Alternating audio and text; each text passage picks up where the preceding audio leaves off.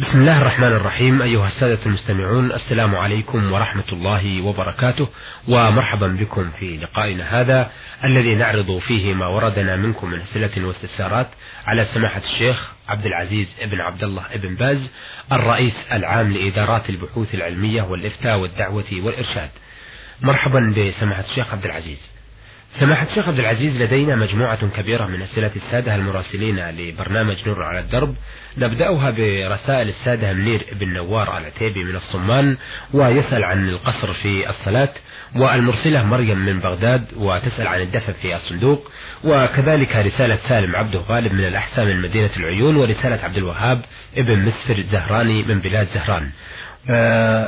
رسالة منير بن نوار العتيبي من الصمان يقول فيها صليت العصر مع الإمام في مدينة الرياض وأنا مسافر فأدركت معه ركعة فقط ثم صليت واحدة وسلمت لأني أقصر فلما سلمت سألني بعض الأخوان لماذا صليت سنتين وسلمت فقلت له لأنني مسافر وقد صليت الظهر لوحدي ركعتين وأدركت مع الإمام ركعة فصليت الثانية وسلمت فقال لي لا يجوز لأنك إذا ما أدركت الإمام مع الجماعة فدخلت في الجماعة فلا يجوز لك القصر ويجب عليك أن تتابع الجماعة متى وجدتها.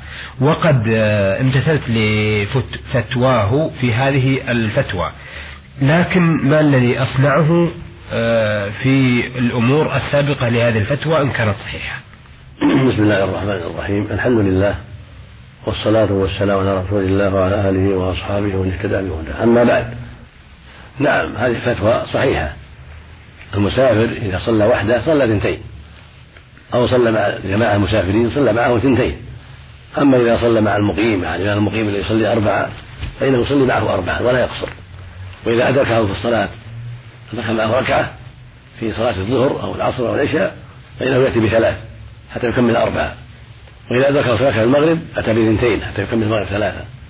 وإذا أدركه بركعة في الجمعة أو في الفجر أتى بركعة ثانية حتى يكملها وهذا قد صح عن النبي صلى الله عليه وسلم من حديث ابن عباس رضي الله عنهما أنه سئل عن المسافر يصلي مع الإمام قال يصلي أربعا.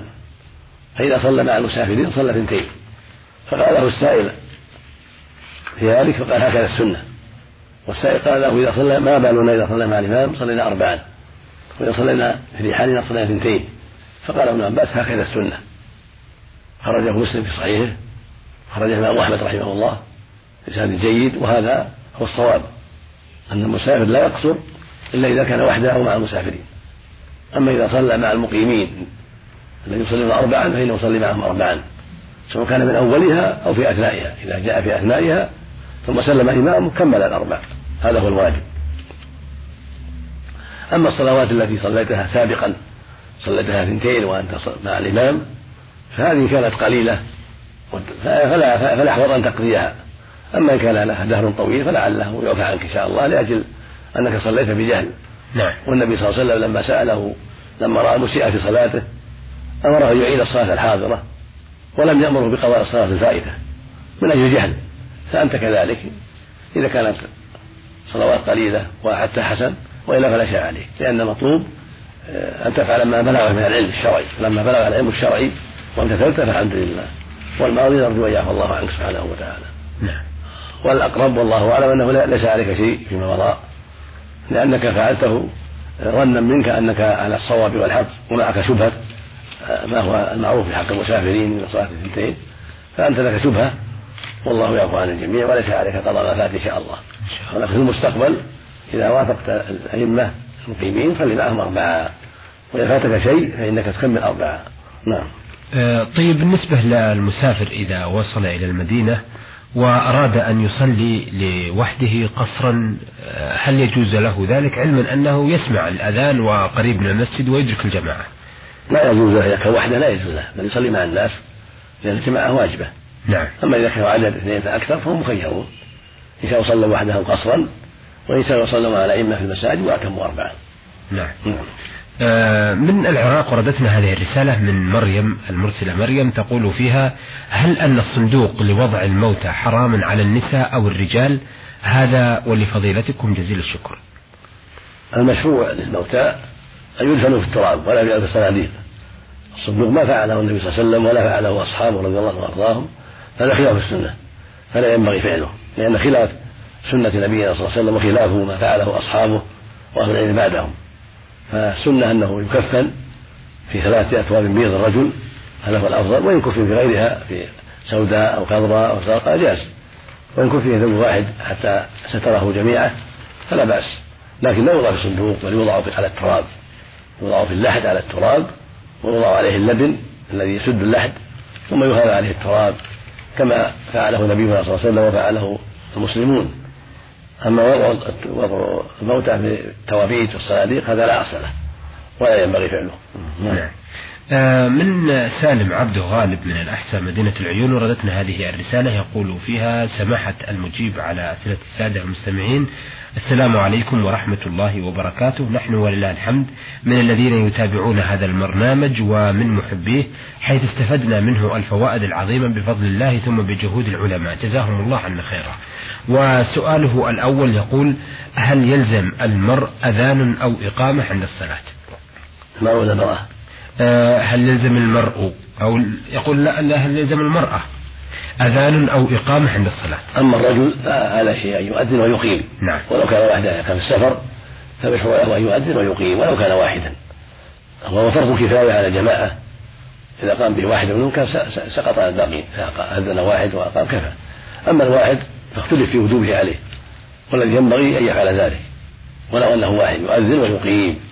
أما المرأة فلا يشرع لها ذلك. المرأة لا يشرع لها أذان ولا إقامة لأن هذا من شأن الرجال للدعوة إلى حضور الجماعة والعلم بالأوقات والمرأة تصلي في بيتها وليست بحاجة إلى هذا الشيء. فالمقصود أن المرأة ليس عليها إقامة ولا أذان ولا يشرع لها ذلك بل تبدأ صلاتها بالتكبير الله أكبر تستفتح وتصلي كما يصلي الرجال لكنها لا يشرع لها أذان ولا إقامة لعدم الدليل على ذلك. طيب لو نسي الرجل الأذان أو الإقامة هل له نسي ما يضر ما يضر. حتى لو تركه عمدا صلاته صحيحة نعم. لكن لا يأثم إذا تركه في الجماعة؟ المؤذن اثنين ثلاثة ولم يؤذنوا في السفر أو في القرية التي ما فيها إلا هم في مسجدهم ولم يؤذنوا يأثمون. وهكذا لم إذا لم يقيموا لكن الصلاة صحيحة. نعم. لأن هذا واجب خارج الصلاة لا يبطلها ليس في داخلها بل هو خارج منها. فإذا تركه المسلم الأذان أو ترك الإقامة فالصلاة صحيحة. نعم. لكنه قد يأثم إذا كان في جماعة تركوا الأذان يأثمون جميعا. أما إذا كان واحدا ففي, ففي, ففي تأثيمه نظر. فإذا في السفر واحد الحالة كل يصلي يؤذن ويقيم هذا هو السنة. لكن لو ترك ذلك هل يأثم أم لا يأثم؟ محل نظر. نعم. آه أيضا يقول سالم عبد غالب من الأحساء هناك عادة وهي عند ثبت عنه صلى الله عليه وسلم أنه قال لمالك بن وصاحبه إذا حضرت الصلاة فأذنا وأقيما نعم. فلم يؤذن أحدكما. الحصل أن الأذان مطلوب من الجميع حتى من الاثنين. والواحد كذلك مطلوب من الأذان لأنه شريعة معروفة للصلاة ومعروفة في حق الرجال فلا ينبغي تركه حتى للواحد في السفر. أو في القرية لو كان ما فيها هو يسحب له أن يؤذن ويقيم. أما إذا كان اثنين فأكثر وجب الأذان والإقامة. من أحدهم يؤذن واحد منهما ويقيم أحدهما نعم. المؤذن أو غيره نعم. آه أيضا يقول سالم عبد غالب من الأحساء هناك عادة وهي آه، عند قدوم الطالب أو الموظف المبتعث من البعثة إلى أهله تكون هناك وجبات متتابعة من الأقارب وقد يكون هذا المبتعث لا يصلي أو يصلي. هل يجوز عمل الوجبات له؟ وهل نحضر هذه الوجبات إذا دعينا إليها؟ وضحوا لنا بالتفصيل وفقكم الله. مع العلم أن والد ذلك المبتعث لا يصلي. هل نأتي إذا حضرنا؟ هل نأثم إذا حضرنا أم لا؟ هذه مسألة مهمة. هذه مسألة مهمة وعظيمة. إذا كان الوافد يصلي ولا فلا بأس بدعوته وإقامة وجبات له فرحا بقدومه فرحا بسلامته. لا بأس. أما إذا كان لا يصلي فلا يجوز أن تجاب دعوته. ولا دعوة من من, من احترمه وعظمه بإقامة الوليمة له. لأن من لا يصلي كافر. فهو يجب أن يهجر ويجب أن يعادى في الله. بعد أن ينصح ويوجه إلى الخير ويعلم أن هذا أمر خطير وأن الواجب عليه أن يصلي كما أمره الله. فإذا أصر على ذلك فإن الواجب هجره مع أن هذا الشيء لا يخفى على الناس أمر الصلاة معلوم. فالذي لا يصلي يهجر ولا تجاب دعوته ولا ينبغي أن يحضر مع من حضر لما فيما حق في حق من دعا لإكرامه لأن الواجب هجره من الجميع. حتى يتأدب حتى يرجع إلى الصواب والحق. ولا مانع من نصيحة مع ذلك ينصح ويوجه إلى الخير ويحذر من الباطل ويخبر أن ترك الصلاة كفر. كما قال النبي صلى الله عليه وسلم العهد الذي بينه وبينهم الصلاة فمن تركها فقد كفر. نعم فتركها كفر بالله نعوذ بالله. كفر أكبر في أصح قوله العلماء. فالواجب على من عرف ذلك أن يهجر من فعل هذا المنكر العظيم وألا يجب دعوته ولا يحضر وليمة التي دعي إليها وقيمة من أجله نعم. آه، الرسالة التي بين يدينا والأخيرة في لقائنا هذا وردتنا من بلاد زهران من عبد الوهاب مسفر زهراني. يقول آه، السلام عليكم ورحمة الله وبركاته. وبعد آه، أرجو توضيح هذه الأسئلة. ما حكم من غسل ميتا؟ أيجب عليه الغسل أم الوضوء أم غير ذلك؟ من غسل ميتا ينبغي له يتوضأ.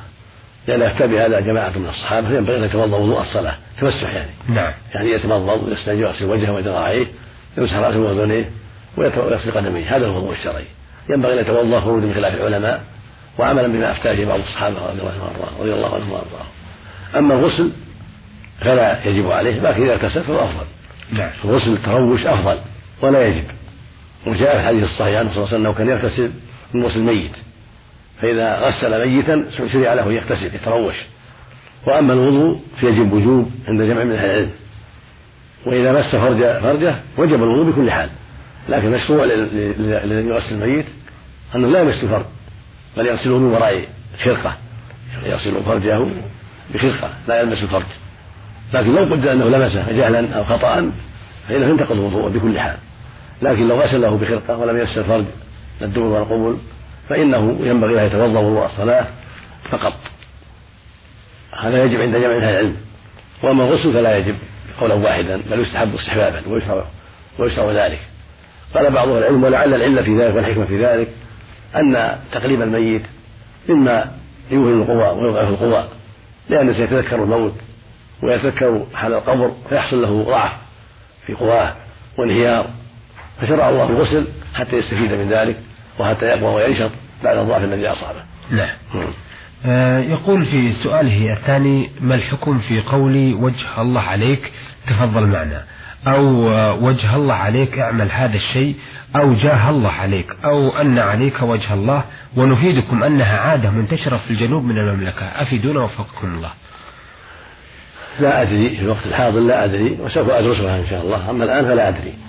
لكن سوف أدرسها وأنظر فيها وتكون في في وقت آخر إن شاء الله. يكون الجواب عنها في وقت آخر وأنت أيها الأخ سليمان تذكرون بها إن شاء الله. إن شاء الله. وعيد البحث وعيد النظر فيها. إن شاء الله تعالى. يقول إذا أراد صاحب زكاة الفطر أن يدفع نقودا بدلا من القمح والشعير وغيره فهل هذا جائز أم لا؟ هذا لا ينبغي لا. يعني جمهور أهل العلم أنه يزكي بالطعام ولا يزكي بالنقود لأن الرسول صلى الله عليه وسلم أخرج طعاما وهكذا أصحابه وهكذا عامة أهل العلم وأكثرهم فلا, فلا ينبغي إخراج النقود بل يجب إخراج زكاة الفطر من الطعام.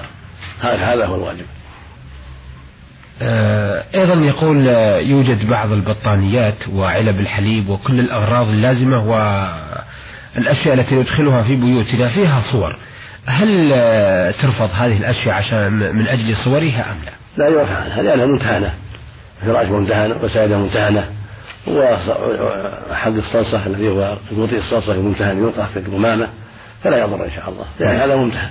نعم. نعم. شكرا أثابكم الله.